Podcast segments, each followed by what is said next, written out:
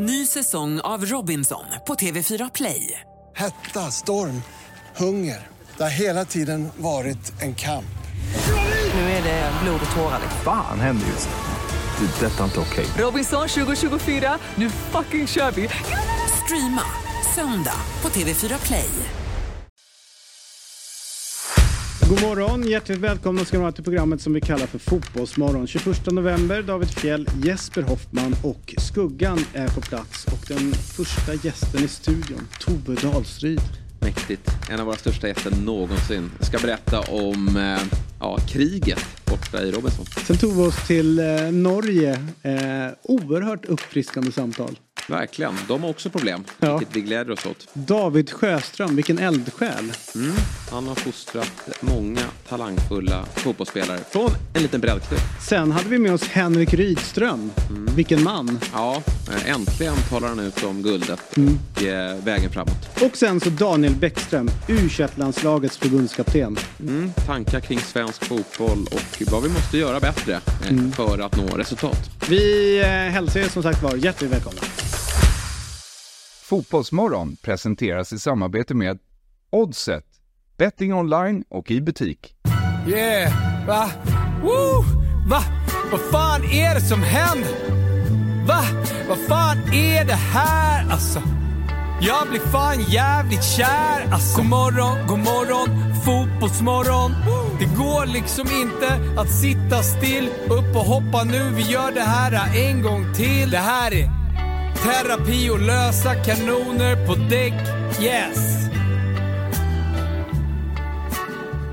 Hjärtligt välkomna ska ni vara till Fotbollsmorgon. 21 november, vecka 47 och Jesper Hoffman är här. Läget? Det är bra tack. Hur själv? Ja, det är bra tack. Spännande morgon. Ja, det är det ju.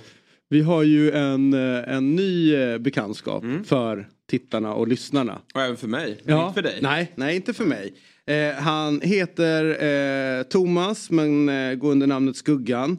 Eh, jobbar inom restaurang, driver en väldigt, väldigt bra restaurang. Vi ska berätta vad den heter alldeles strax. Sen har du ett jävligt coolt jobb där du får se världen. Jag tänkte vi kanske ska landa i lite grann. För det.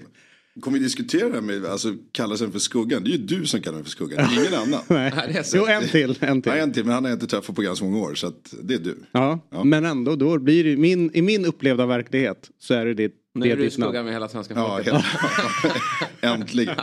Som du Det väntade. att- var det någon Luleåback som hette Skuggan? Nej, Ja, nej, det, nej. Han- Skuggan. Ja, Ja. inte back utan forward. Det var han som Okej. la alla passningar. Nummer fyra va? Ja, svinbra var han ju. Han var bra. Han var ju där samtidigt som hette han då, LG Pettersson och liten, någon som gjorde hur mycket mål som helst också. Ja, vad hade de mer för lirare i den där gamla Luleå? Det Thomas såklart Berglund. I, i kassan. många finnar det var det i? Ja, och Berg, Berg, ja, men Jarmo Myllys var ju stökig. Ja. Men han Berglund som är tränare nu var ju spelare och var rätt jobbig. Och han fick någon fråga nu om någon vecka. De hade värvat någon spelare som typ han tyckte filmade mycket i sin tidigare klubb. Men nu då i Luleå. Man filmar ju inte i Luleå. Nej. Inte under Thomas Berglund. Men då konstaterar han bara. Ja men han har som slutar med sånt där nu. Han jobbar. Och jag är nöjd. Tror Jarmo Då Myllys vet var med på alla att- träningar? Det tror inte Nej, nej, klart han inte Myllys var med på alla träningar. Men eh, man vet ju att om killen filmar en gång så blir det ombyte utanför hockeyhallen. Det är liksom, det- är hårdare, hårda tag. Var Pekka uppe i Luleå? Nej, var det bara nej. Malmö? Ki- Ja, ja, Timrå. Timrå, så var det. Precis. Så att, sen, och, sen, och sen Färjestad. Och sen Malmö. och- Men han var ju svinmäktig. Mm, han var bra. Ja. Eller jag vet inte. Ja men han var ju bra. Han var man bra bara på riktigt. Ja. Han var ju bra på riktigt. Plus att eh, hans världens bästa smeknamn på försäsongen. Jesus. Mannen alla pratar om men inte har sett. Nej, okej. Han dök inte upp. Nej. Nej. Jag har hört nu rykten om att han aldrig var med när det var löpträning. Nej, nej, han är inte en Det löpare. var liksom, det var, kondis var inte hans grej. När han var yngre så konstaterade han ju det är från äldre för att hålla igång. Och eh, när han var, blev äldre så var han så här, men vi har hållit på med det där så vi, har den, vi kan det där. Så att han, han sket i det. Han gick på rutin. 100% rutin. Men du Thomas, eh, ska vi börja det kanske viktigaste, din relation till fotboll? Oj, ja, men fotboll det var ju det man höll på med när man var liten. Spelade jättemycket. Eh, man, precis som alla andra så tror man att man var svinduktig, vilket man såklart inte var. Man skryter om diverse uttagningar till Upplandslag. Där man antagligen var med i den där första gallringen. Men i ens egna bild var man ju ganska klar startelvan. Eh, jag lirade fotboll ganska länge, alltid tittat på fotboll. Men jag tänkte faktiskt på det igår innan jag kom hit, eller innan jag visste att jag skulle komma hit. Så så här, jag tillhör också de som eh, kollade hockey egentligen först. Mm. Det var någon brytpunkt där runt eh, 1990, typ 92 som det verkligen blev Hemma-EM. fotboll mycket mer. Ja. Ja men till min, jag kommer vi, alltså jag kollade alla FO, jag gick på engelska internatskolan i Kenya, då minns jag att vi såg bandade matcher av VM 86. eh, Så att man hade kollat, liksom, det kunde vara två dagar efter att matchen hade gått, men det var så dåligt nyhetsflöde så man hade ingen aning om vad det var för resultat ändå. Det händer ju inte riktigt idag. Nej. men, Men och för sig vet man ju inte i Kenya. Men du, det roliga där nere i Kenya, hade inte du Mike Guidetti som gympalärare? Nej, jag hade faktiskt aldrig det. det var, jag tror att han måste ha kommit något år efter att eh, men det är ju några, Guidetti följde ju mina fotspår såklart och Ja. hoppade på den här Kenya-trenden och gick i skola där. Eh, och Daniel Adams Ray också, men han, det var någon som frågade igår om jag gick i samma klass och sa nej, han gick ju dagis när jag tog studenten. Vi, jag vart ju hedrad att de trodde jag var så ung, men det var jag inte. Vad gjorde Adams Ray där nere? Var det också några föräldrar som... Föräldrar jobbade också. Hans pappa jobbade med Läkare Utan Gränser tror jag. Åkte runt och opererade i. Och hans mamma jobbade. Hon är väl gammal journalist, Ja, eller? men precis. Kerstin Adams Ja. Ray. Så att eh, det var en skara människor där. Ja, coolt. Vad gjorde Guidettis där nere? Eller var han... Ja, alltså nu talar jag verkligen utan kunskap. Men jag får alltid en bild av att det har varit något form av religiöst inblandat. Men det behöver inte ha varit. Hans pappa har jobbat mycket med fotboll och slummer och sånt. För min, min syster bor faktiskt i Kenya nu. Eh, och tog kontakt med Guidettis pappa för han har varit inblandad i en fotbollslag i slummen. Och för hennes grabb spelar fotboll. Så att det var lite ingång där. Du, eh, eh, Janne Andersson då? Är ni bästisar? Verkligen. Jag har träffat Janne en gång för att han var på krogen och käkade. Eh, Ska vi säga att det är Asian Post Office? Asian Post så att Office, vi ja, här, exakt, är- där är- där och det finns ja. inga Ja, andra restauranger i Sverige. I, i Sverige. Nej, det är väl finns den enda som Ja. finns Den enda nu, restaurangen. Ja. Sveriges mest berömda drink va? Ja, det, det, det vill jag ju kanske sticka ut hakan nästan säga att det är nu för tiden med våran Thai Basil. Men, eh, Magisk. så att, Gillar du eh, den? Ja, underbart. Ja. Ja, Väldigt god. Ja, den är god. kul. Den är god. Ja, men Janne var där, eh, vi, vi har rätt mycket sporthäng på krogen. Det är mycket Mm. fotbollsspelare som hänger där, det är mycket hockey nu. Förra veckan var det som, det var i och för sig hela stan, att NHL Mm. tog över restauranglivet i Stockholm. Oerhört oseriöst eh, gäng eh, spelare. De var, ju, de var ju ute under hela, alltså under hela tiden Hela de var här. Ja, Ja. Så var de här och krök, ute och kröka och körde ganska hårt. Det förstår man. Ja men ändå så här att samtidigt så, så, här, de, eh, så försöker de få oss vet, från sändningen så här, ah, det är en viktig match ikväll, Minnesota måste vinna så att de hakar på. Man bara, ja fast när jag var på väg hem i natt så såg jag halva Minnesotas lag nere vid Stureplan. Så jävla viktigt var det inte då för dem. Så att vem fan Men jag tror att det, jag, nu har jag fått lite, lite bättre insyn i NHL och lite, känner lite spelare och så. Man märker att det finns, det är en otroligt mycket seriösare sport idag än vad det antagligen var på 70 och 80-talet. Det var ett jävla liv på de här spelarna. Men jag tror att de har lite frizoner. Jag har hört några berätta om bortamatcherna i Vegas är också, det blir lite grann så här, okej men nu får vi leka av oss under några dagar. Medan jag tror att åker på en bortamatch i Edmonton då är det verkligen hockey som gäller. Och, Men då, det, det är också lite sjukt så här, hur då ska man värdera Vegas som lag och deras hemmastatistik. Och om, om motståndarna de kommer dit är liksom så här, här, här, ja, här, här har du fyra, du har fyra dagar nu, gör din grej. Sen så slutet på den fjärde så har vi en match mot Vegas. Ta det lite lugnt dagen innan bara. Tjena, det är därför de... Det är en klassisk fördel. Det är som när de skjuter raketer utanför motståndarlaget. Eh, Du behöver inte ens göras i Vegas. Man vet att de här är ute och skjuter raketer själva. Det är ju, Drar ni igång strippen nu? ja, så att det, Men eh, var alla lag förbi er då eller? alla utom eh, Toronto Ja, okej. faktiskt. De, var alla, de tre andra lagen var och käkade middagar. Och, men sen så var det, det var en ganska stor apparatur det här. Det var, jag tror att det var över 400 personer som var i eh, Stockholm. Kring NHL också. Så att det var ju väldigt mycket. Han Jerry Bettman var det där tror jag han heter som är deras... ja, Gary Bettman som är Ja, ordförande högsta Ja. chef. Ja. Snacka om att kunna bara Ja men nu fick de för sig att vara lite bussig och så, så blev det någon så här, vi delar ut lite pengar till någon välgörenhetsgrej. Alltså vet du, de åker runt, de är ju överlägset rikast och de styr och ställer hockeyvärlden precis som de vill. Så när man är chef i NHL då, då styr man ju allt. Så att när han kommer hit är det ungefär som så här, ja vi har funderat på att göra så här nu. Det är inte vad tycker ni som ändå producerar spelare till NHL utan de tänker själva och bara kör. Ja. Riktigt smutsiga. Stör mig nog jävligt på dem.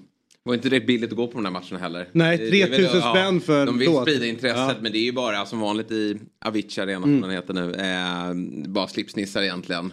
Eh, företag som kanske Ja, har råd med biljetterna. Sen får väl några barn hänga med. Det är väl generellt i ganska många sporter just nu att det börjar, alltså de här biljettpriserna börjar ju urarta på, Alltså, sen är det så, man är ju själv en del av problematiken. Man är beredd att hosta upp pengar ibland för att gå och se matcher. Det är klart att det trissar ju bara upp att alla vill göra så. Men det, är ju, det blir lite tråkigare. Det är, Men det är, känns ändå som ett lyckat ändå koncept. Och fan vad bra de är klubbarna på att eh, göra content kring det här. Alltså, Går man in på deras Instagram-konton. Alla, jag var inne på alla fyra klubbar och jag följer ju inte NHL mer än lite resultat och så.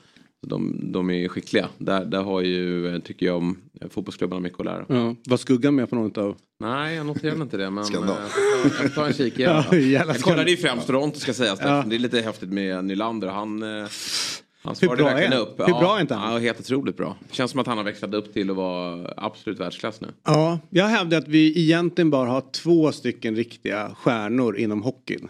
Den ena är ju såklart William Nylander. Den andra heter ju samma sak och spelar i Vegas. Det är William Karlsson. det är klart. De är ju coola de där två. Alltså de kör ju, alltså det är ju det är ju gamla tiden som man tänker som man växte upp att det fanns några så här riktigt coola hockeystjärnor som kör. De gör ju det rakt ut. Jag spelade faktiskt golf med William Karlsson förra sommaren i Las Vegas. Det är stort. Eh, han och eh, Mattias Janmark, eh, gamla gnagare. Ja. Eh, men det roliga med Karlsson var ju faktiskt att han, eh, han har gift sig med en tjej i Vegas, amerikanska. Och eh, han kör inte den här åka hem på sommaren och leva Nej, rövare hela nej. sommaren. Utan han är kvar där borta i USA en stund. Och det är inte så vanligt. Sen, så har, sen har han ju sina koppling till Märsta tror jag, alltså typ norr om stan. Eh, så att han landar in där bara jättekort. Men sen, han kör ju kvar livet där. I och för sig bor han i Märsta, hade jag också stannat i Ja, Vegas. fast jag tror att han har cashen för att kunna ladda in någonting in i stan också. Men han Eh, är ju en otrolig fotbollssupporter också. Han, han skriver ganska mycket till mig för att han är, följer AIK väldigt, väldigt nära. Han tycker det är mycket roligare än att, att prata hockey. Ja, Det är det, det är det som gör honom stor också. Ja. Att han följer AIK. Ja, exakt. verkligen. Så är det. Nej, det är jävligt roligt. Hörru du, det är ju lite det, roligt tycker jag. ehm, för, eh, vi, vi sa att du har ju en restaurang som går skitbra. Men sen har du ett jobb som faktiskt är häftigt. Eh, och eh, enligt ryktena så är mannen, eh, det hade inte funkat utan dig. Och det är Swedish House Mafia och det är när de åker iväg och turnerar. Då är ju du liksom den som har koll på men allt som ska hända under turnén, förutom själva spelningen, den är ju där. Men de, de ska ta sig dit och det ska hända grejer runt omkring och så. Fan hamnar man på sånt där väldigt spännande uppdrag? Oj, ja, det är egentligen kontakter och att man kanske är utåtriktad som person. Man lär känna människor. Jag tror att ganska många arbetsplatser har folk bara ramlat in på av ett eh, lite bananskal jag tror, eller halkat på. Men eh, jag träffade Sebastian eh, 2008. Ingrosso ska jag säga. Ingrosso, just det. 2008 nere på, eller 2007 när jag var på Ibiza. Och blev eh, alltså goda vänner ganska snabbt. Och umgicks ganska mycket med hela den trion under den eh, för ett par år. Eh, genom eh, en god vän som jobbade med dem. Eh, och sen så 2014 så av en slump Tofsen. så Tofsen, Jonas Wikström. och så, men, ja. Det, det är tofsen hos Ja, nej, nej, det är hela, det är hela världen Ja, det är faktiskt. Känner du någon vid namn, alltså så här för och efternamn som egentligen heter? Eller är det, Nej, nej, det är bara konstiga det namn på ja. mina.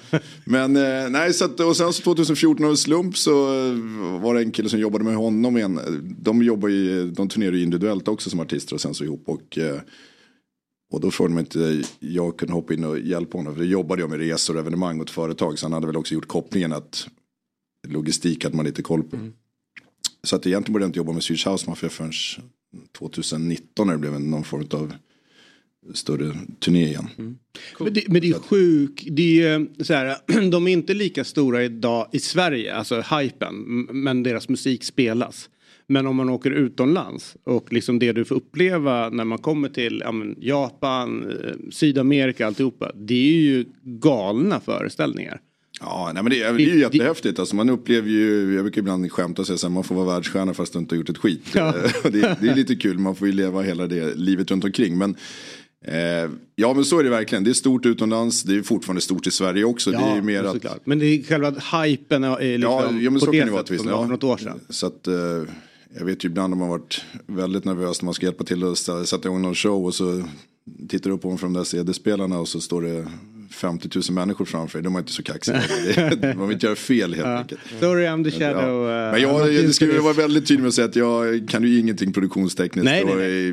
Det, liksom, det låter jag lämna över till proffs. Att, Hur ofta har du sprungit in i Zlatan då? Han är väl där eh, då och då? ja, senast, i- senast i lördags faktiskt. Okej. I Las Vegas. eh, Så träffade jag Zlatan. Eh, och han, eh, han har lyssnat en del. Vi gjorde, eller vi ska jag inte säga, men eh, grabbarna gjorde en rolig grej där i Milano nu på Mm. senaste turnén.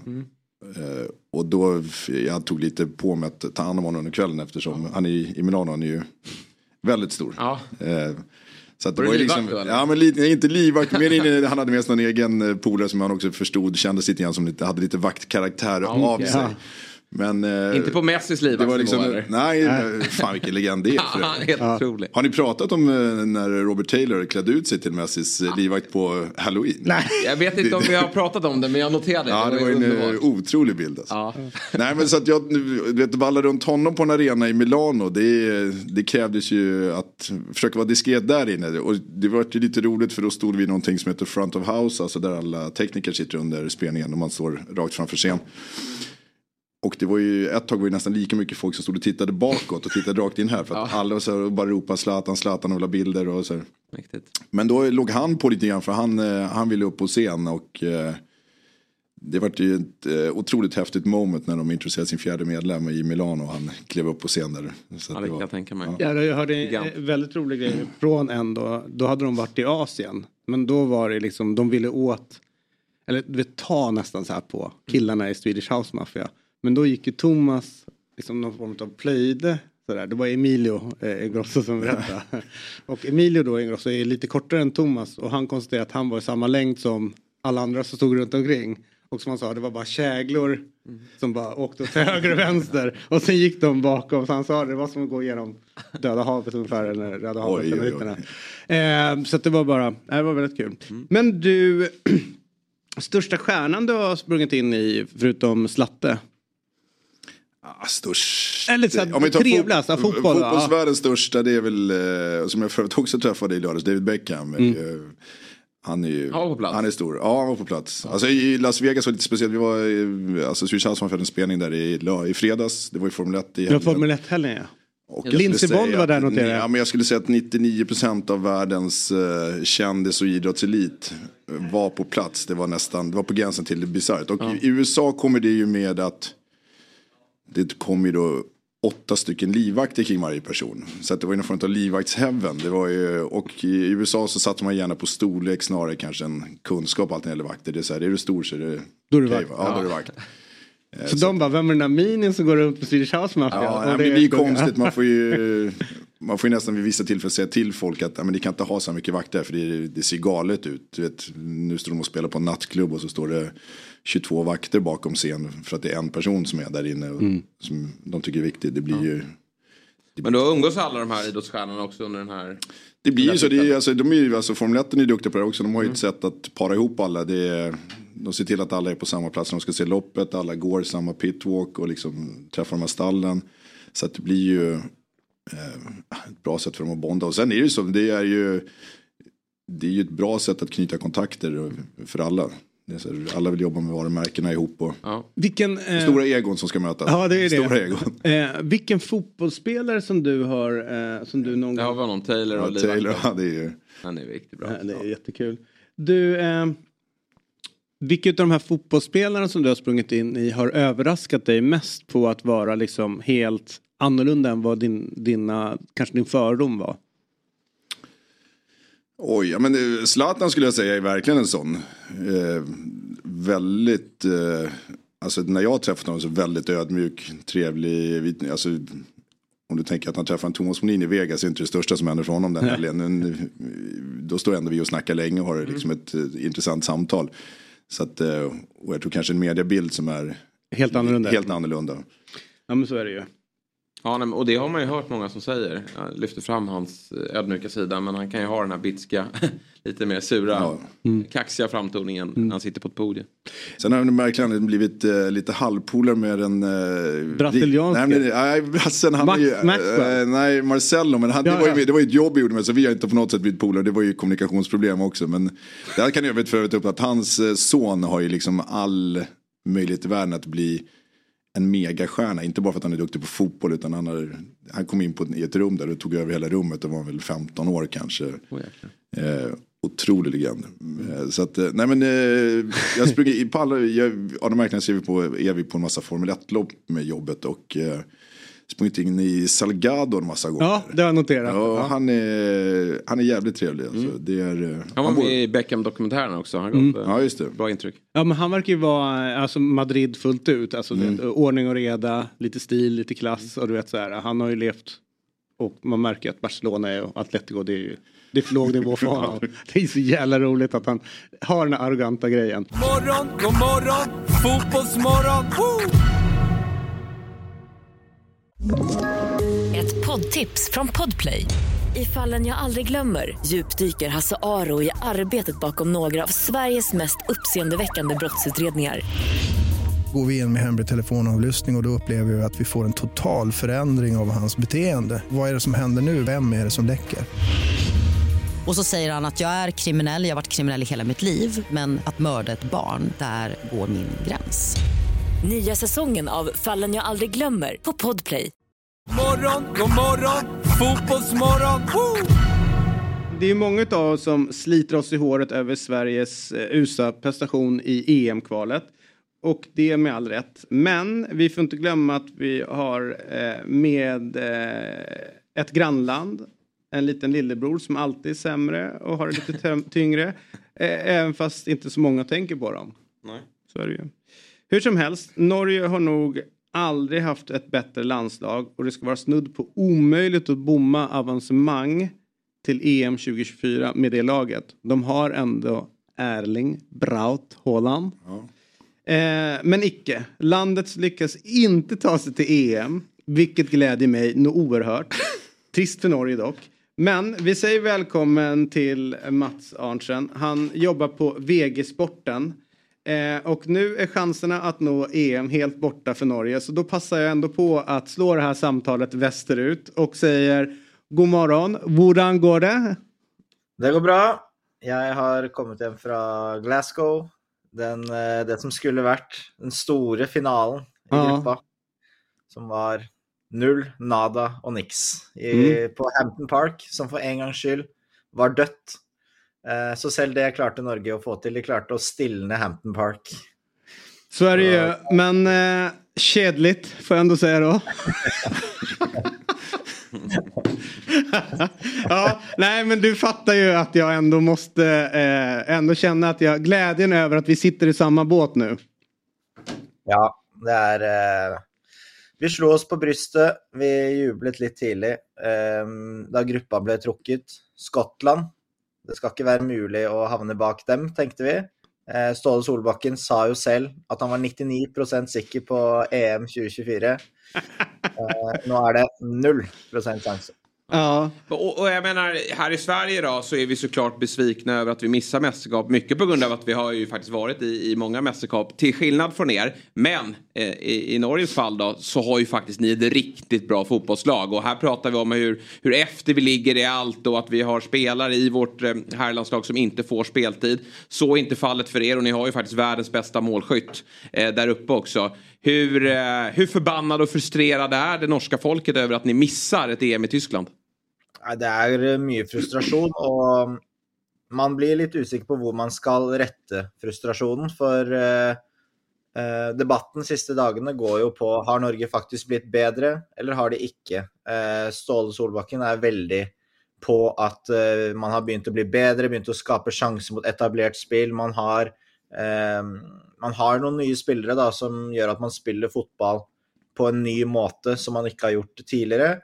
Samtidig har man sluppet inn tolv mål på åtte kamper. Er Forsvaret da så bra som eh, det blir sagt? Eh, det er jo ingen tvil om hvor skoen trykker.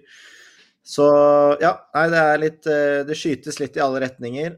Sannheten er at man ikke har vært i et mesterskap siden 2000. Eh, Sverige og Danmark har til sammen vært 16 ganger i mesterskap, så det er en stor skillnad. Eh, eh, om man ska grotta ner sig i det, är det att eh, liksom kulturellt i samhället och så vidare så har inte fotbollen varit så stor i Norge som den är nu? Eh, att den liksom inte haft samma fokus som kanske vi haft i Sverige och Danmark de senaste 25 åren? det har skjedd noe. Fotballens eh, posisjon har relativt sett har vokst veldig. Man ser at eh, på seertall at eh, Eh, vinteridrettene har ikke samme posisjon som det hadde tidligere. Um, ehm, og fotballen er på vei fremover. At vi har Vi er vant til at våre største stjerner er i eh, langrenn, skiskyting osv. Nå er det i fotball, golf og friidrett osv. Og, så og fotballen er jo Det er vi har kanskje de aller, aller største, da. Mm, ja, jag får, måste också passa på att kasta in tennisen där tyvärr. Exakt. ja, där har ni blivit bra. Det stör mig. Du, eh, Ståle Solbacken då, han kommer ju med ett eh, fint rykte. Han har gjort det väldigt bra både i FCK, han har fått chansen i, i Bundesliga, gick ju inte jättebra där förvisso. Men kommer med ett stort rykte och en stor tränare så att liksom, ni tar en, kanske den största tränaren ni har, sätter med den gyllene generationen. Hur mycket kritik faller på honom nu? Det er en del, eh, man, og han får jo en del spørsmål. Men jeg opplever at uh, forgjengerne hans har fått kanskje enda tøffere spørsmål. Uh, hadde Lars Lagerbäck hatt disse resultatene? Kanskje mm, Det er vanskelig å si, men uh, resultatene er svakere enn de har vært på lenge. likevel så er ikke mitt inntrykk at fotballeksperter krever at Solbakken skal gå. Der står ingen soleklare alternativer og venter heller. Um, så det, den debatten har egentlig ikke kommet. Men um, vi har hatt f.eks. etter Skottland-kampen Kjetil Rekdal, tidligere landslagskaptein, mm. var veldig, veldig, klar på at uh, man må se kanskje litt bak den gjengen som er nå. At det er noe som er galt uh, i hele kulturen. Um, som gjør at man havner i samme situasjon igjen og igjen og igjen. Uh, at man ser ut til å tape avgjørende kamper. Um, for det er litt på repeat, føler nok mange at uh, nå er vi gode, se hvor gode vi er, og så er resultatene dårlige. Äh, snabbt, måste bara ta den. Är ni mentalt svaga i Norge? Är det ett folk som är mentalt svaga? det kan man jo spørre seg om, da. Tror, vi har nok ikke den serbiske mentaliteten. Det har vi jo sett hver gang vi har møtt et lag fra Øst-Europa, så knekker man jo totalt sammen. De hever seg ti hakk, og vi knekker sammen. Det går det ikke an å nekte for. Så spørs det om det er tilfeldig eller ikke. Når det har skjedd så många gånger på rad så är det kanske inte det då. I Sverige pratar vi mycket om nu när vi, vi behöver ju ny förbundskapten att vi behöver en, en ny typ av ledare. Många menar ju på att Jan Andersson han är ju stöpt i den eh, liksom, eh, Eh, svenska eh, föreningsskolan och, och, många av hans spelare är fostrade i svensk fotboll. Medan vi nu upplever en, en annan typ av generation som har stuckit utomlands tidigt och ja, spelar fotboll på, på ett annat sätt kan man säga. Har ni samma diskussioner i Norge? Jag tänker med tanke på otroligt, hur många otroligt duktiga spelare som ni har fått fram de senaste åren. Ikke egentlig. Jeg har litt inntrykk av at Ståle Solbakken er ganske god til å treffe de unge og treffe spillergruppa, och att han är ganska gott likt eh, som person. Eh, och att spelarna har väldigt tro på måten de spelar på. Eh, så har det varit väldigt mycket diskussion om detta zonförsvaret som eh, vi, vi, spelar. Eh, det är väldigt krävande, att det är vanskligt för spelarna att tillpassa sig måten man ska spela på landslaget. Eh, det är väl heller ingen tvivel om att våra bästa spelare är framöver i banan och inte bakover. Hur får man då best mulig dekket over svakhetene og mm. utnyttet styrkene? Så får vi se. Nå er det kvalik til VM etter hvert, så vi har om två och ett halvt år, kanske vi är där. Det är ju egentligen samma diskussion i Norge som här. Att vi sitter med, likt dem, offensiva spelare och har en lite problem defensivt. Jag upplever att ni har kommit längre i någon form av analys utav varför det är så. Varför ni inte får fram bättre mittstoppare. Varför ni inte får fram bättre defensiva eh, mittfältare till exempel. Utan att eh, i, i, Sverige har vi landat bara kanske i, jag vet inte, spela mer offensivt. Men ni verkar analyserat hur det kommer sig att ni inte har bättre mittstoppare också. Mm. Det är ett stort fokusområde. Att, eh, vi har snackat mycket om det. Att det, det har kommit upp några spelartyper, både de som är där nu och som kommer efter, som är tekniskt goda eh, och på ett nivå som man inte har sett i Norge tidigare. Det är utvilsomt, det är omöjligt att diskutera. Eh, og så sier, er vel de fleste enige om at det kanskje har gått på bekostning av midtstoppere. Handler det om mm. fokus, hvordan man eh, utvikler spillere? Handler det om kunstgress? Det er vanskelig å si. Eh, jeg benytta jo sjansen da Færøyene var eh, på, på besøk, for de har Håkan Eriksson som Mm. eh, landslagssjef, på å spørre litt hva er det han synes skiller Norge og Sverige, hvorfor får ikke Norge det til? Eh, og han mener at den dagen Norge tar seg til mesterskap, så kommer de til å være mil foran Sverige, sa han. Og det går, mener han da går på utvikling, forskningsbasert arbeid inn mot klubber, och ett arbete som han menar är bättre i Norge än i Sverige, men det känner dere mer till än mig hur det faktiskt är. er, da. Ja. Jag tror det stämmer. ja. Men du, vad, vad, Jan Andersson skyller väldigt mycket på att eh, många, av våra- med all rätt tycker jag, att många av våra spelare inte får eh, särskilt mycket, eh, många minuter i sina respektive klubblag då, att de ofta sitter på bänken. Vad har Ståle sagt nu då i samband med det här fiaskot? Vad är hans förklaring till varför ni bara tar 11 poäng? Ni är ju faktiskt 6 poäng bakom Skottland, så det är inte ens nära. Mm.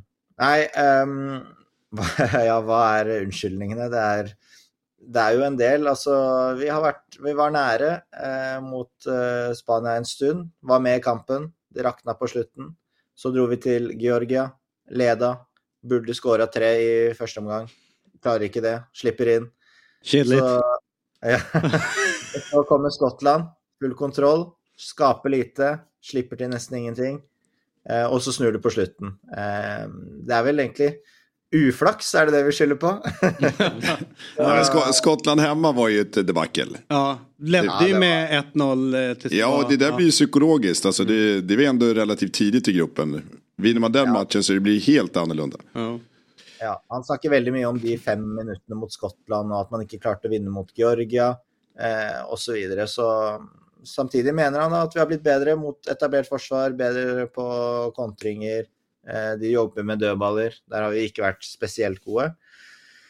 Ehm, nei, men det har vært uflyt, det er ikke noe tvil om det. Ser man på expected goals og underliggende tall, så, så er det ikke så dårlig som man skulle tro. Skottland har hatt historisk flyt, det er det ingen tvil om når man ser på tallene. Samtidig er tallenes tale at man har 11 poeng, det er seks mindre enn Skottland. Ti mindre enn Spania, om jeg husker rett.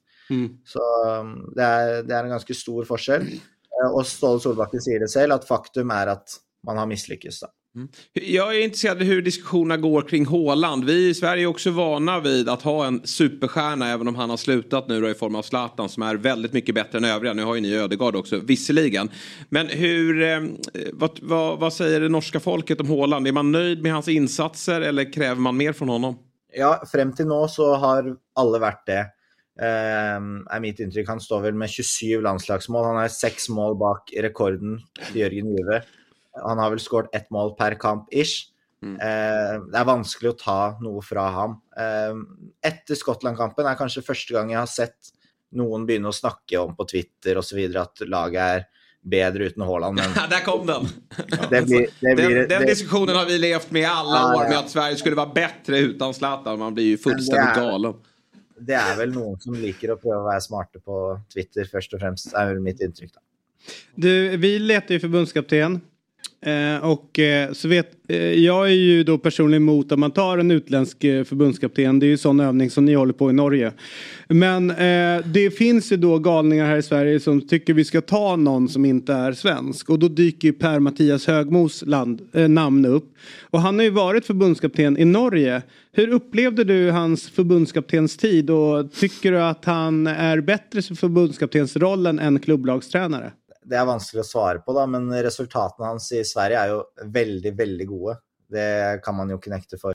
Eh, og så blei det en ganske hard krasjlanding for Høgmo i Norge, som man kanskje husker veldig godt, som har mye å si for ettermælet. En kamp, kvalikkamp mot Ungarn, hvor vi hadde fått servert et gratis sluttspill i EM 2016. Eh, hvor vi da stiller med to midtbanespillere på topp istedenfor en spiss, som har blitt eh, en, en, en meme, kan man si, da, i etterkant. Eh, men det som er fascinerende med Høgmo, da, som, er, som jeg har hørt, er da at han, han virker som en slags tåkefyrste når han snakket med media som landslagssjef, eh, mens alle spillere som sier at han er veldig, veldig tydelig da, Mm. internt. At det er en stor, stor forskjell. Og det han har gjort i, i Hekken, er jo veldig, veldig imponerende. Har ni någon annan eh, tränare i, i där i tippeligan som den väl heter. Eh, eller i, i runt omkring som ni tror liksom, ja, men, den skulle kunna bli förbundskapten i Sverige eller har det ryktats om Fan, namn? är inte Solskär ledig? Ja, väl. Solskjaer är ledig. Ja, han är det va? eh, Ja, in med han. Nej, nej för fan. chansa lite. Nej. Är det någon man vill ha så är det Kjetil Knutsen, eller hur? Ja, ja. Men han är kanske enda mer en klubbtrener, da. en klubbbygger och en som Ok. jobbar med projekt över tid. Um, jag ville blivit överraskad om han gick in som landslagschef, men om man får till det han har gjort med Bodø-Glimt, så ska man inte avskriva han som landslagschef eh, heller. Jag tror norska hjärtat ville blödd om Ole Gunnar Solskjær hade tagit det svenska eh, landslaget. Ja, mitt också. Just därför. Mitt också. Men han är ju alltså sett till hur han, eh, han är bra på att få ut eh, liksom, det mesta av, de, Jo, fast han är av norsk. individen och bra i omställningsspel. Han är från Norge. Ja, ja, Ja. så är det. Det är din take på det hela. Men du Kjetil Knutsen, när sticker han till någon bättre liga då? För nu vinner de ju med, vinner ju med Bode Glimt igen och det har ju varit rykten, Premier League-rykten bland annat. Vad, blir han kvar i Bode till nästa säsong? Det virker sånn. Ja. Eh, Jeg tror han eh, vil ha Bodø-Glimt inn i Champions League, og at det prosjektet ikke er ferdig. Eh, Han er en litt spesiell mann på, på den måten at han eh, virker ikke å bli Altså, han virker at han, han liker seg der, han har et prosjekt han har å gjøre, jobbe enda mer med, se hvor langt det kan gå. Eh, og så tror jeg at den dagen han velger å slutte, så skjer det veldig brått. Eh, at han sier etter sesongen 'jeg er ferdig', og så tar det kanskje et halvt år, og så går, begynner han et sted en sommer, f.eks. Han eh, Jeg, jeg syns sliter med å se for meg at han forlater Bodø-Glimt midt i en sesong, f.eks. Da. Eh, da må det være noe spesielt som har skjedd først. Mm, jag förstår. Härligt. Du, eh, tusen tack för den här morgonen. Och det är väl klart att jag inte eh, ogillar er eh, 100% men det finns en rivalitet så man kan ju inte ta in norska tränare till Sverige. Nej, men vi, vi, jag gillar ju Håland, jag gillar Hovland eh, och eh, Ödegaard gillar man ju också. Så de, Ja. de får ju fram faktiskt eh, sympatiska spelare. Du är medveten om att vi har en eh, norsk tränare nu va? Ja. Ja. I AIK? Ja. ja. Och då kanske du är medveten om vad jag tycker hans vara eller icke vara. Inte jag Jag vill- det var det jag också. komma fram. Ja. Eh, ja, men eh, bara snabbt då. Henning Berg, hur, hur, vad är han för rykte han har i Norge som tränare? Han har eh, fått år, OK resultater, gjort det enda, han har nok enda bedre, gjort det enda bedre i utlandet, da, som gjør at han eh, at I Norge har han ofte hatt klubber som har slitt i bunn. Han hjalp jo Stabæk en stund, og så gikk det dårlig. Så var han ferdig der. Eh, mens man ser på resultatene i utlandet at han absolutt har gjort det veldig bra da, eh, i, i mange forskjellige land. Morgon, god morgon, fotbollsmorgon. Woo! Du kommer hit utan en trippel. Mm. Men du har någonting annat.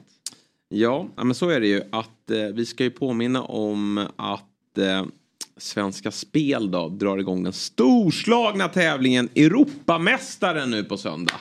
Oj. Många har ju koll på tips-SM sedan tidigare men nu gäller det Europatipset då eh, istället för Stryktipset och eh, man har ju chansen att vinna upp till 150 000 kronor då, till sin gräsrotsförening och framförallt då äran. Ja. Eh, Och det är den jag vill åt. Jag Det här kommer vi jag vinna. vill stå där med pokalen. Kanske då som individuell vinnare men också tillsammans med dig då. Ja, det tror jag. Eftersom vi ska köra i Ja. lag. Och Ja. det som är så bra att vi kör i lag är ju att man får ta bort femte man. Ja, exakt. Eh, det är därför Fjäll är bra att ha med.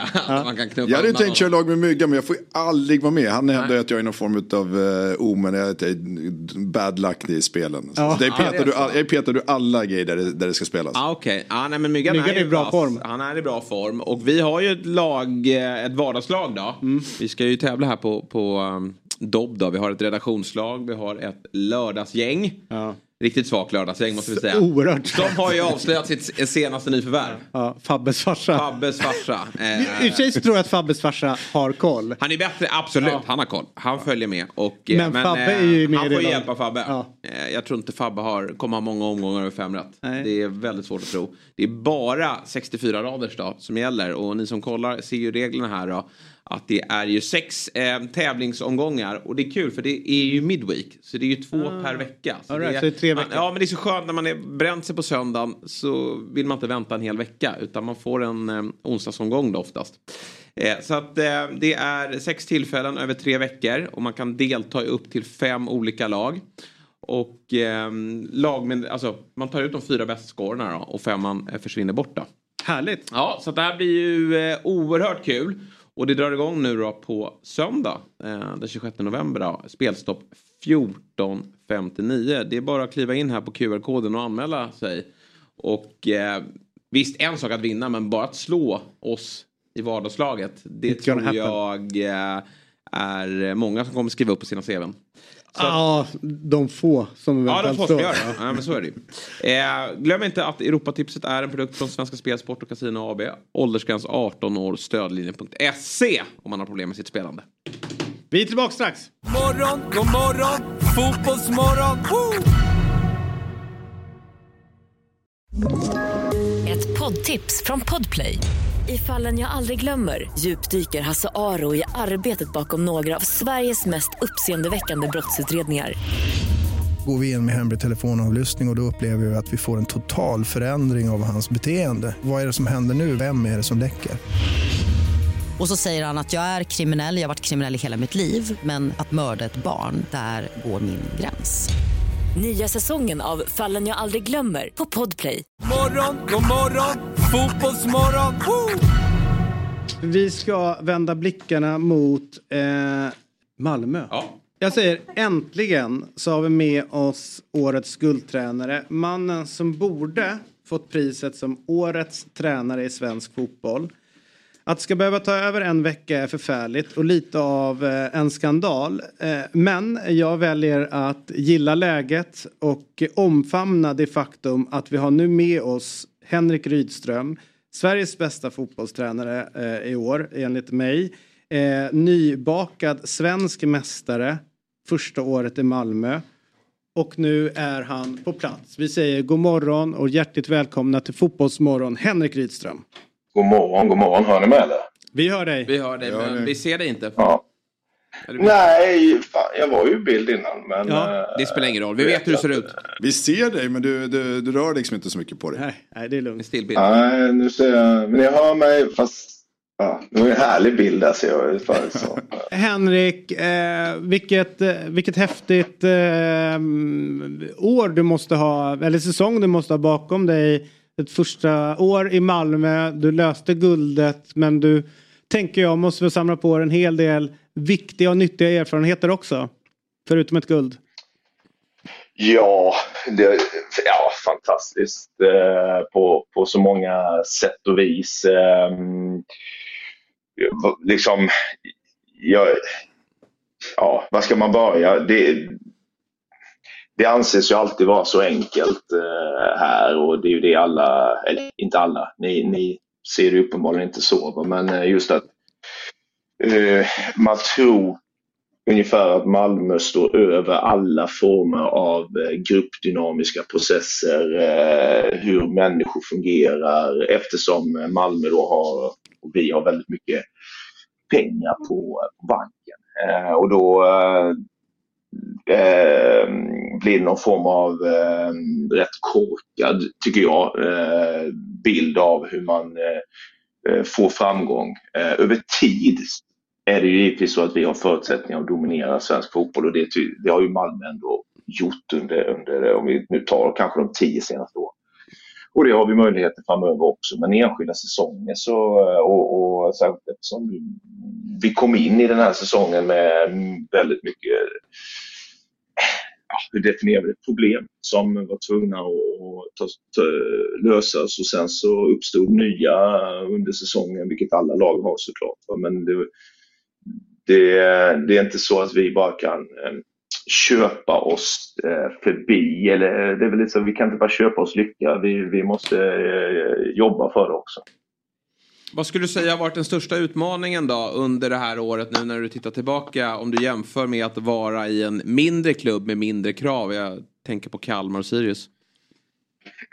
Ja, men, det är ju egentligen just det som du, som du beskriver, eh, alltså mindre krav. Det gör ju att eh, eh du förlorar och, och det, är- det, är, så- det är så att även i en mindre klubb, det är inte så att eh, det inte gör ont att förlora. Eh, det är bara det att det blir inte riktigt samma konsekvenser. Eh, du vet att eh, den där yxan över ditt huvud inte är riktigt lika snabb med att, att synas efter en förlust. Eh, men jag var inne på det när jag väl hamnade här att, att jag har ju längtat lite efter att vara i den här miljön också där det vi, vi vann åtta raka och det var liksom eh, alla var jättenöjda men det var också någonstans, okej okay, nästa match, vi behöver göra det bättre.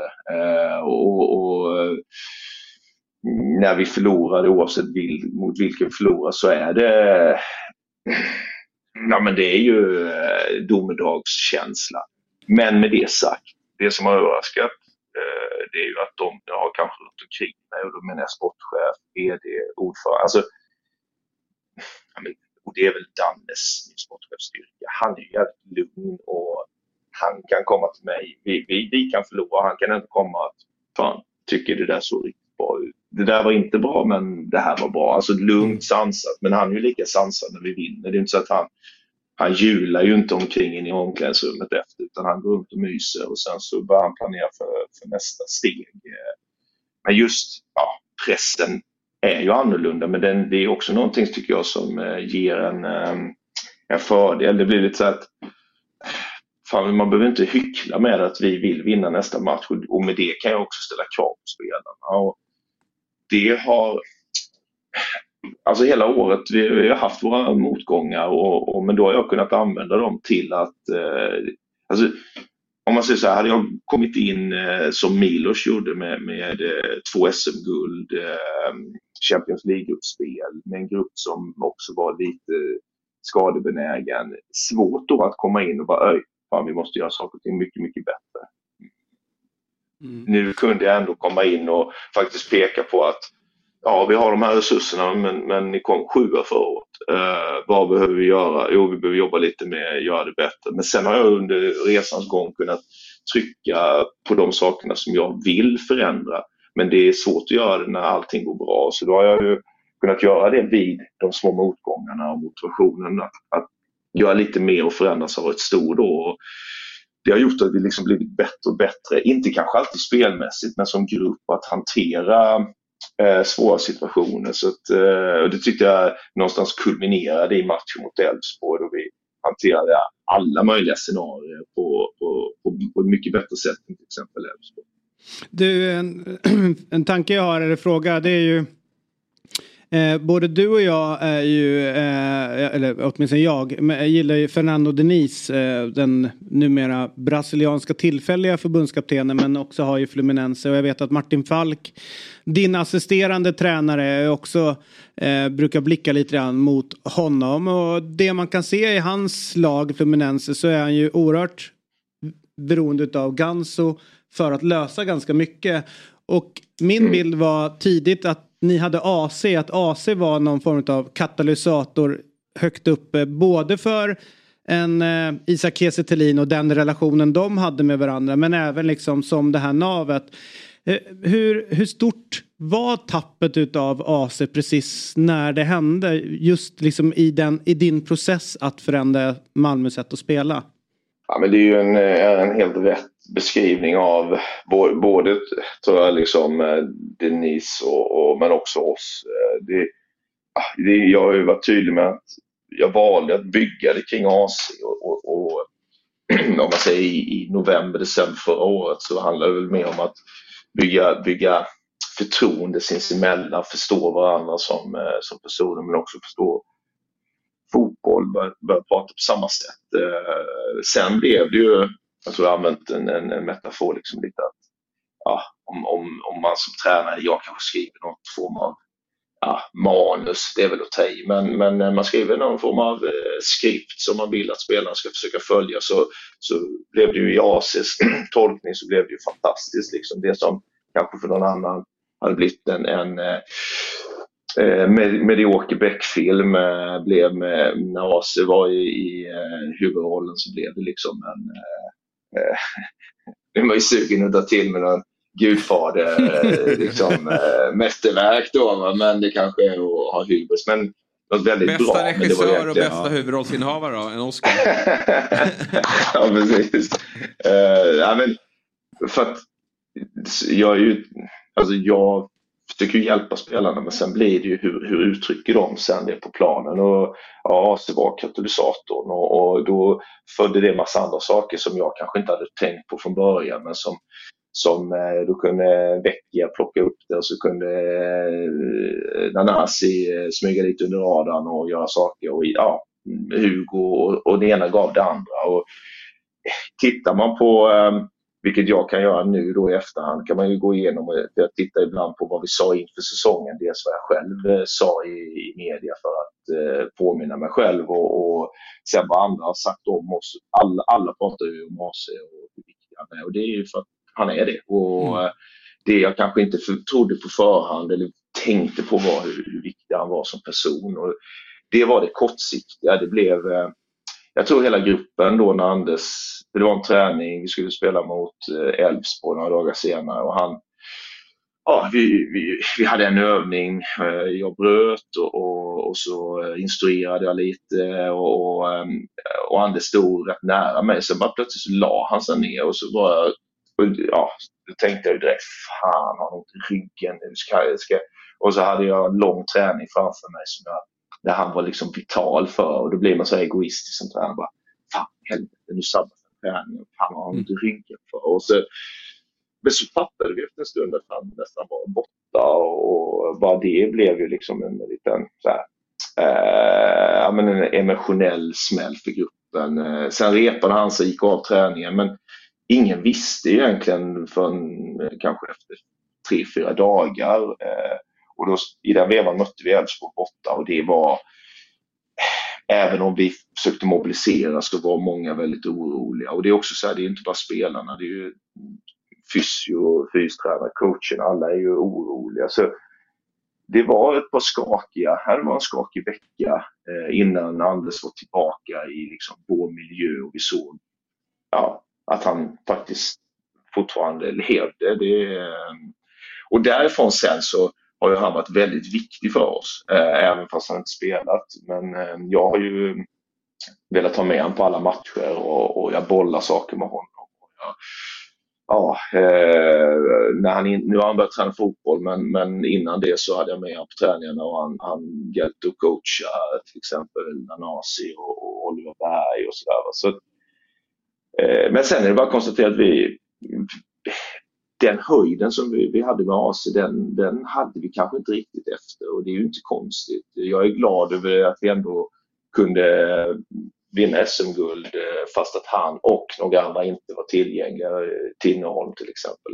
Mm. Så, eh, men den här känslomässiga, den pratar man aldrig om och den är ju inget som man glömmer bort det många gånger för man tittar på vad han gör på planen. Men eh, vad, vad, han betyder som människa och person, det, det blev tydligt då. Mm, häftigt. Hörru du, vi ska ha med oss Daniel Bäckström nu så vi ska tacka dig. Men det vore kul att ta med lite längre fram också och prata lite mer framtid också vad som händer och hur ni planerar för utveckla spelet lite grann. Det är superspännande med det här äh, sättet som du spelar fotboll tycker mm. jag. Men tusen ja, men det tar vi. Då får ni avsätta lite tid. Ja, det ska vi göra. ja, två timmar ungefär. Eh, men grattis ja. än en gång Henrik. Eh, unnar dig som fan Super det här SM-guldet. ni fortfarande eller har ni slutat med det? Alltså firar ni? De firar inte ah, vi, det, är nog, det, är några, det är några i organisationen som nog hittar lägen. Men, eh, men nej, idag är det pickleball. Eh, igår var det paddel för det är spelarna mot ledarna här i någon vecka till. Så det är lite tävlingar. Så, uh, vi, jag vill egentligen bara vi, veta hur skön var Elfsborg Degerfors? Just det. det var fruktansvärt. Han, ja, det, det, var, ja, eh, vi stod ju på en mack och kollade på den efter Waterbacken mot Häcken. Och sista, ja, övertiden och, och vad det hittades tillägg och, eh, och sista anfallen där var ju sinnessjuka.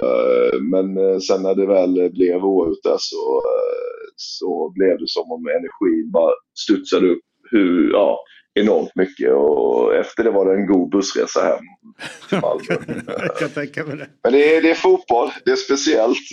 Det, det, och, ja, Eh, vi är glada att Degerfors eh, fick till det där. Mm. Tusen tack för den här morgonen Henrik. Tack själva. Tack, Tack själva. Nu spelar vi pickleball. Ja, härligt. lycka till. Morgon, god morgon, fotbollsmorgon. Woo! Nu håller vi kvar hörlurarna för igår så spelade Sveriges u landslag en viktig match i eh, EM-kvalet. Var mot eh, Nederländerna hemma. Inför matchen så hade Sverige sju poäng. Georgien med fem spelade matcher hade 10 poäng. Och Nederländerna eh, på sina fem matcher då 15 poäng. Eh, så att det var ju en eh, viktig match som vi ska då kunna ta eh, på första platsen. Jag tycker att Sverige börjar den här matchen ganska bra och optimistiskt. Har en del lägen. Eh, men till slut så slutar det med en eh, 2-4 förlust. Vi har med oss nu eh, förbundskaptenen för u landslaget Daniel Bäckström. Så här, dagen efter förlust hemma, hur mår man? Ja, det är en bra fråga. Jag sa det, det sista jag sa till spelarna när vi avslutade igår kväll att det man helst av allt hade velat gjort det var ju att samla gänget nu på morgonen och gå igenom den här matchen och sikta mot eh, nästa match som gärna hade fått vara om en vecka. Men det funkar ju inte riktigt så i landslagsfotbollen så att jag håller väl på att försöka debriefa det här och därför är det väl skönt också att snacka av sig lite grann eh, mer om inte annat också. Mm. Hörru du, eh, en ganska stökig fråga då. Men är vi inte bättre så här i svensk fotboll? Vi ser på här sidan A-landslaget som missar mästerskap och nu ligger vi faktiskt efter Georgien i tabellen. Eh, I en eh, tabell där kanske inte lagen imponerar namnmässigt förutom eh, Nederländerna. Ska vi vara oroliga för svensk fotboll och hur det ser ut?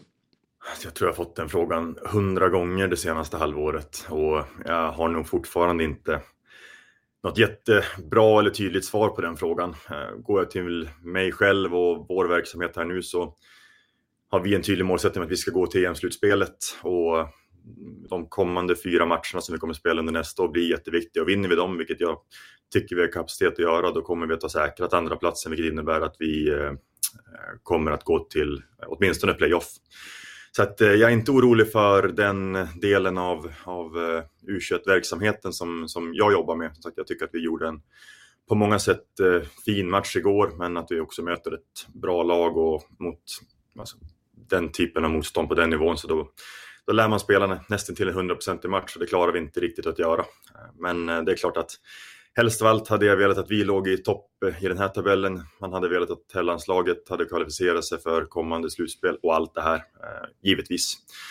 Men att ringa in ett eh, svar på mm, vad som eventuellt är fel, för det är klart att vi vill alla ha bättre resultat än vad det är just nu. Men, men mm. eh, det, det, är en stor och en svår fråga. Va, va, vad tror ni? Eh, jag tror att det är en naturlig pendel. Um, att, uh, sen så enstaka, alltså så här, vi har haft jättebra u landslag som har gått hela vägen men det har inte gett extremt mycket eko sen. De, visst, de spelarna har tagit sig hela vägen. Men jag tror att man, man, vi kan nog hitta en, någon spelare från det här u något kommande, något innan och bygga ett bra landslag. Så att det, det är ju att få en, en åldersgrupp bara som blir jättebra. Men vi stod ut Frankrike där med Gudetti och alla de hette. Det var rätt många i det franska landslaget som gick och blev väldigt bra fotbollsspelare. Men de vann ju inte EM-guld. Så att eh, det är att betrakta som ut, utbildning fortfarande väldigt mycket. Så att jag, jag är inte jättestressad.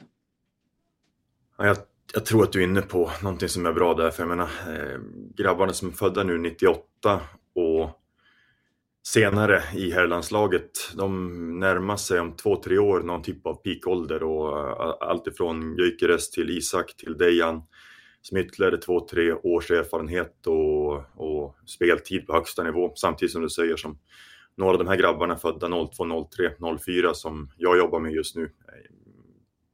Det tror jag kan innebära att vi känner och tycker och tänker om herrlandslaget på, på en annan nivå. Sagt, för det är inte helt lätt att eh, bära landslag när man är 25, 24 och 23 år gamla, vilket många av de här grabbarna just nu är. Och sen så kommer det förstås finnas ett gäng av de alltså, äldre 90-talisterna kvar här också. Så jag, jag tror att just pendel, pendelbegreppet eh, kan vara bra att använda. Och så hoppas jag sagt att jag, och det har jag också sagt i olika sammanhang, att den diskussionen som är om svensk fotboll just nu känns, eh, den känns aktiv. Och när resultaten inte är så bra som man vill att de ska vara så brukar det ofta leda till att man kanske gör lite extra. När man vinner och allting bara rullar på så är det kanske lättare att luta sig lite grann tillbaka och det tror jag ingen just nu inom svensk fotboll, oavsett om det är fotbollsförbund eller klubblagsfotbollen gör eh, utifrån att eh, diskussionen är het. Och det kanske innebär att vi om ett par år kan säga att det som hände och det, det snackades om där runt 2022, 23, 24 innebar att det hände grejer. Det, det är det jag hoppas och, och också tror på. Vad känner du brister i gårdagens match då? Nu har möter ju ett bra eh, Holland här då, men, men, vad tycker du, vad hade krävts av er för att kunna vinna en sån typ av match? Ja, jag satt och kollade på den sent i natt och försökte ringa in det här. Eh, och jag tycker att den första halvleken är tillräckligt bra för att vi ska, eh, vi ska kunna gå därifrån med en 1-0-ledning. 1-1 är inget dåligt resultat de har rätt stora chanser även efter de har gjort 1-1 de sista fem minuterna i första. Men 1-1 på hemmaplan, eller 1-1 i en sån här match är inget dåligt resultat. Då finns det någonting att spela om.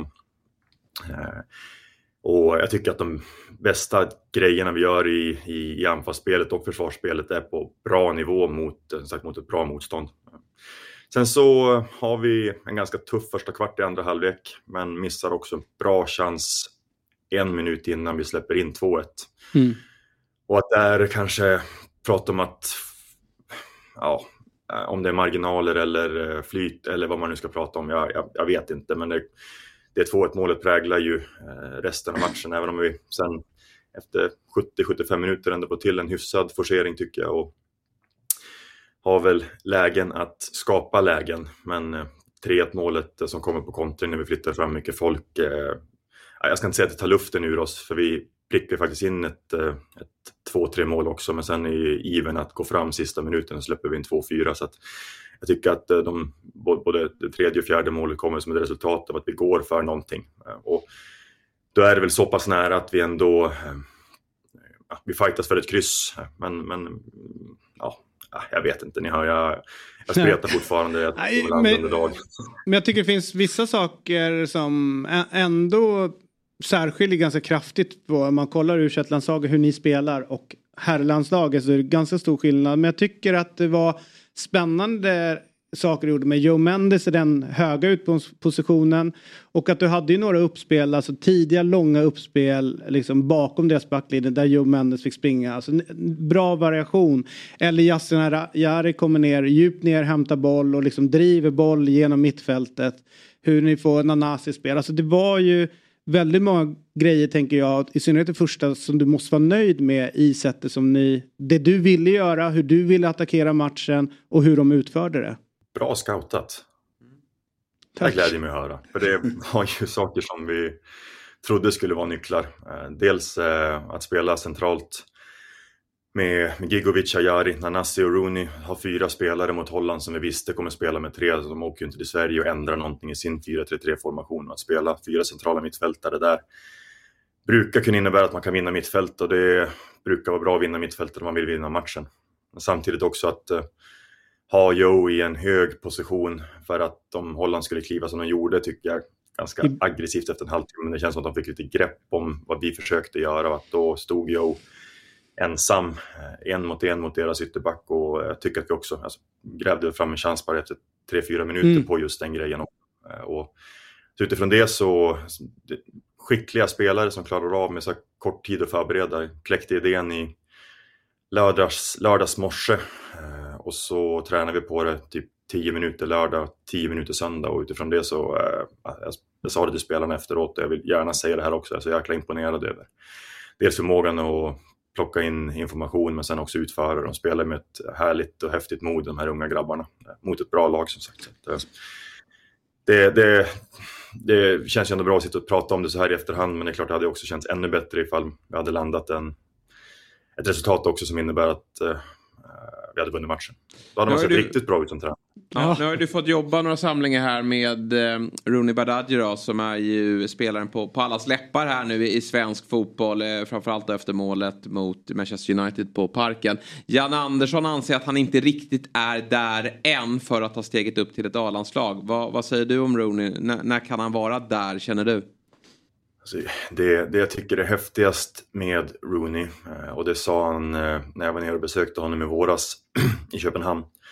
Då satt han lite grann på bänken och fick hoppa in och knappt hoppa in vissa matcher. Han sa att det enda jag vill ha är chansen här eh, i Köpenhamn för jag vet att jag kommer ta den. Jag vet vad jag kan och jag, han sa, jag, jag har inte tid att sitta på bänken. Jag ska bli världens bästa fotbollsspelare och eh, jag måste bara spela. Och det har man ju hört vissa spelare, unga spelare säga tidigare, men jag tycker det var så häftigt och det har jag sagt till Rooney också många gånger att när han väl har fått chansen, framförallt här under hösten, så har han ju gjort exakt det han sa att han skulle göra. Han har levererat och det, det tycker jag är stor respekt. För det är ju inte heller på korpnivå som han har smält in de tio målen eller vad det är. Så att eh, säger Rooney att han tycker och tänker att han är redo, eh, då har han i alla fall visat mig att eh, får han den chansen, sen om det är i herrlandslaget eller är en annan större klubb eller vad det nu handlar om så, så tror jag att han kommer att leverera. Eh, för det, det finns någonting hos honom, någon, någon typ av aura. Det syns i ögonen att han, han, han har en mentalitet som, som han är bara inställd på att lyckas. Och det Men tycker jag är det häftigaste. Jag bara haka på där, för jag satt ju, såklart så stod man ju på u för man ville ju kolla mer på honom och se fler matcher och, och sådär. Det som slog mig var att eh, det är lätt att man blir förblindad med, med klubbadresser, var man spelar någonstans. Istället för att se vad man gör i sin vardag. Och det blev väldigt tydligt tycker jag med Sebastian Anasi. Jag tycker att han såg mer eh, redo ut. han, han har ju fler matcher, viktiga matcher i Malmö. Eh, stort ansvar att bära det.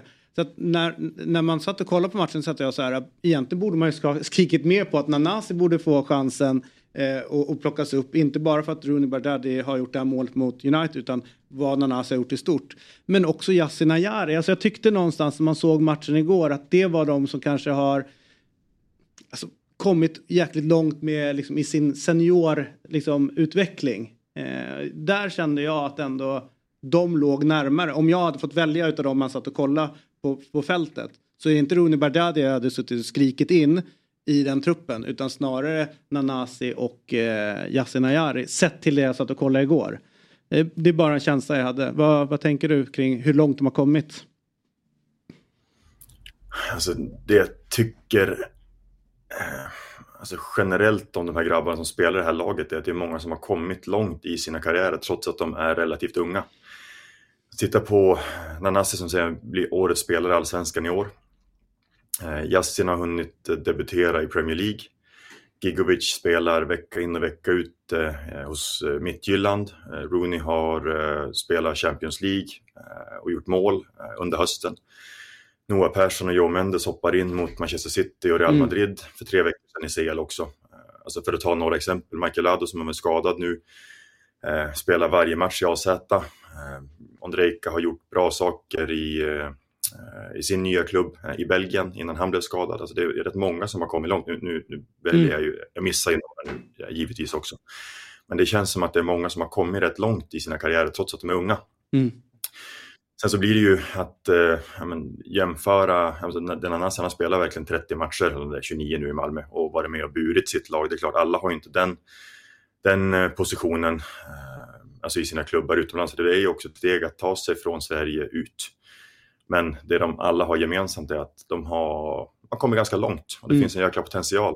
Sen så är det ju också en grej att eh, eh, ja, då gå in och bära ett U21-landslag eh, kontra att vara en av rotationsspelarna eller en truppspelare i en klubb utomlands och allt det här. Alltså det, det där är ju en, eh, ja, blir någon typ av karriärplanering för de här unga grabbarna att hitta rätt för att eh, få så många minuter som möjligt på så hög nivå som möjligt. Men eh, alltså jag håller med dig, det finns många duktiga spelare och det finns också många som jag tycker kvitterar ut fina eh, betyg efter igår. Det pratas alldeles för lite om är ju mittbacken Kasper Videll som är Excelsior Ja. som flyttade från Helsingborg i sommar som var skitbra igår alltså. Mm. Och Gigovic som du säger. Ska ju inte glömmas. Nej, nej, absolut. Han, han betyder mycket för det här laget. Men eh, apropå vandrande utedass, Fölkeling Persson på topp. Det är eh, några kilo han har att komma med. Alltså han har några kilo att komma med. Han har också ett, eh, alltså någon typ av eh, eh jag skiter i mentalitet som jag tycker är helt underbar att ha att göra med. Och att ha honom springa där, springa där längst upp och stångas, eh, kom in med blod på tröjan i halvtid, det är, som, det, är det som är Joel verkligen Persson för mig. alltså, det, det var en smäll, han, han sprang och sen näst så bara... av alla i höga hastigheter. Han är, han, han är Jag måste fråga en annan grej. här matchen. Hur, hur tacklar ni, alltså, då har du u spelare kanske någon som är väldigt framträdande, knackar på A-landslaget, A-landslaget vill ha honom, ni står inför kanske väldigt viktiga matcher som ni gör nu i vår. Kan man säga så här, vi kommer inte släppa honom nu för att vi behöver honom de här sista fyra matcherna. Trots att nu vet jag att A-landslaget inte har så mycket viktigt i vår. men det är, kan man ha, finns det en sån eh, förbundstänk att så här, men vi låter honom vara kvar för att vi behöver honom mer i u i A-landslaget? Till våren vet jag inte hur det kommer resoneras, men det var ju tydligt till exempel nu, vilket jag backar, att Hugo Larsson som skulle ha varit med och spelat u ifall han inte hade varit med här, hade spelat med oss igår. Det är ju hundraprocentigt. Men eh, alltså för mig så rankingen utifrån eh, herrlandslag, u landslag och sen så det sipprar neråt. Liksom, är spelaren tillräckligt bra, då ska han spela eh, på den nivån han är till. Sen eh, så får vi väl se hur det blir här under, under eh, våren. Ny förbundskapten ska in. Kanske resoneras annorlunda då. Det vet jag inte. Är det du som är ny? Alltså, jag har ju... Den frågan har jag också fått många gånger. Jag har ingen ambition om att försöka positionera mig i den, i den frågan. Alltså jag trivs så jäkla bra med de här spelarna, med den här staben. Jag har sagt från början när jag fick det här laget för ett år sedan att jag vill så gärna gå till det här slutspelet. Sen om någon tycker och tänker att eh, jag är en aktuell kandidat så kommer jag, eh, alltså då finns jag spelbar. Men jag har, jag har ingen ambition om att positionera mig eh, i... Men känslan var ju när man satt och kollade på er, allt det de pratar om, så här ska vi spela fotboll, så här ska vi göra alltihopa. Och så stod man på och man bara, okay, men nu spel, här har vi ett lag som spelar så. Som många säger att man vill.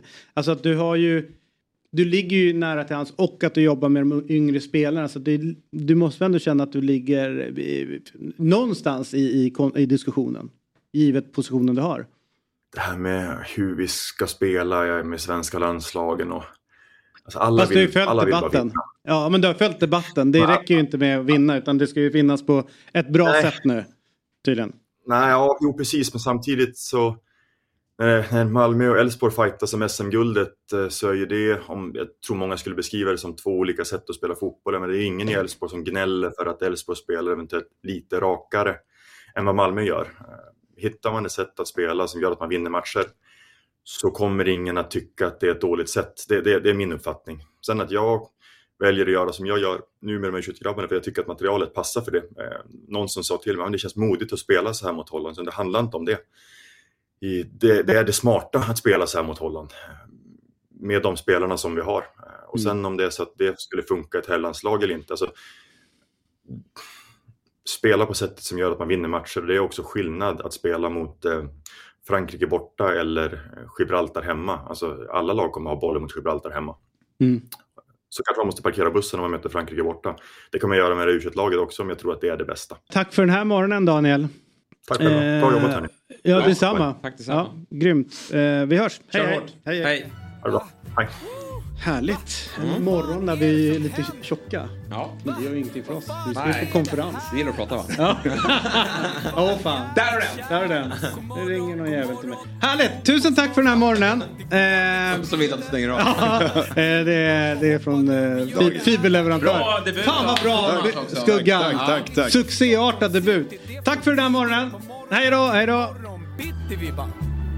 Vibar och bjuder på oss själva. Du känner det också hur studion börjar själva. Du har väntat länge nog på vår skit. Det har vi med. Blod, svett, tårar och slit. Det här är som en pumpad boll på en magisk matta. Vi har jobbat med de bästa. Lyssna, du kommer fatta. Hata om du vill och var avundsjuk. Men det klär dig jävligt dåligt och då byts du ut. Yeah! Det här är Fotbollsmorgon. God morgon, god morgon, fotbollsmorgon. God morgon, god morgon, fotbollsmorgon. David, David, David. Det här är Fjällsgäng på dopp som drar upp rullgardinen. Yeah. Vi hatar plast men vi älskar gräs. Det här är smilet på pendeln. Det här är gemensamt boende. Det här är inte Insta, not the result we wanted. Det här är terapi och lösa kanoner på däck, yes.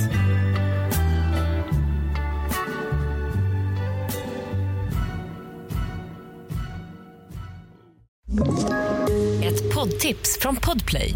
I fallen jag aldrig glömmer djupdyker Hasse Aro i arbetet bakom några av Sveriges mest uppseendeväckande brottsutredningar.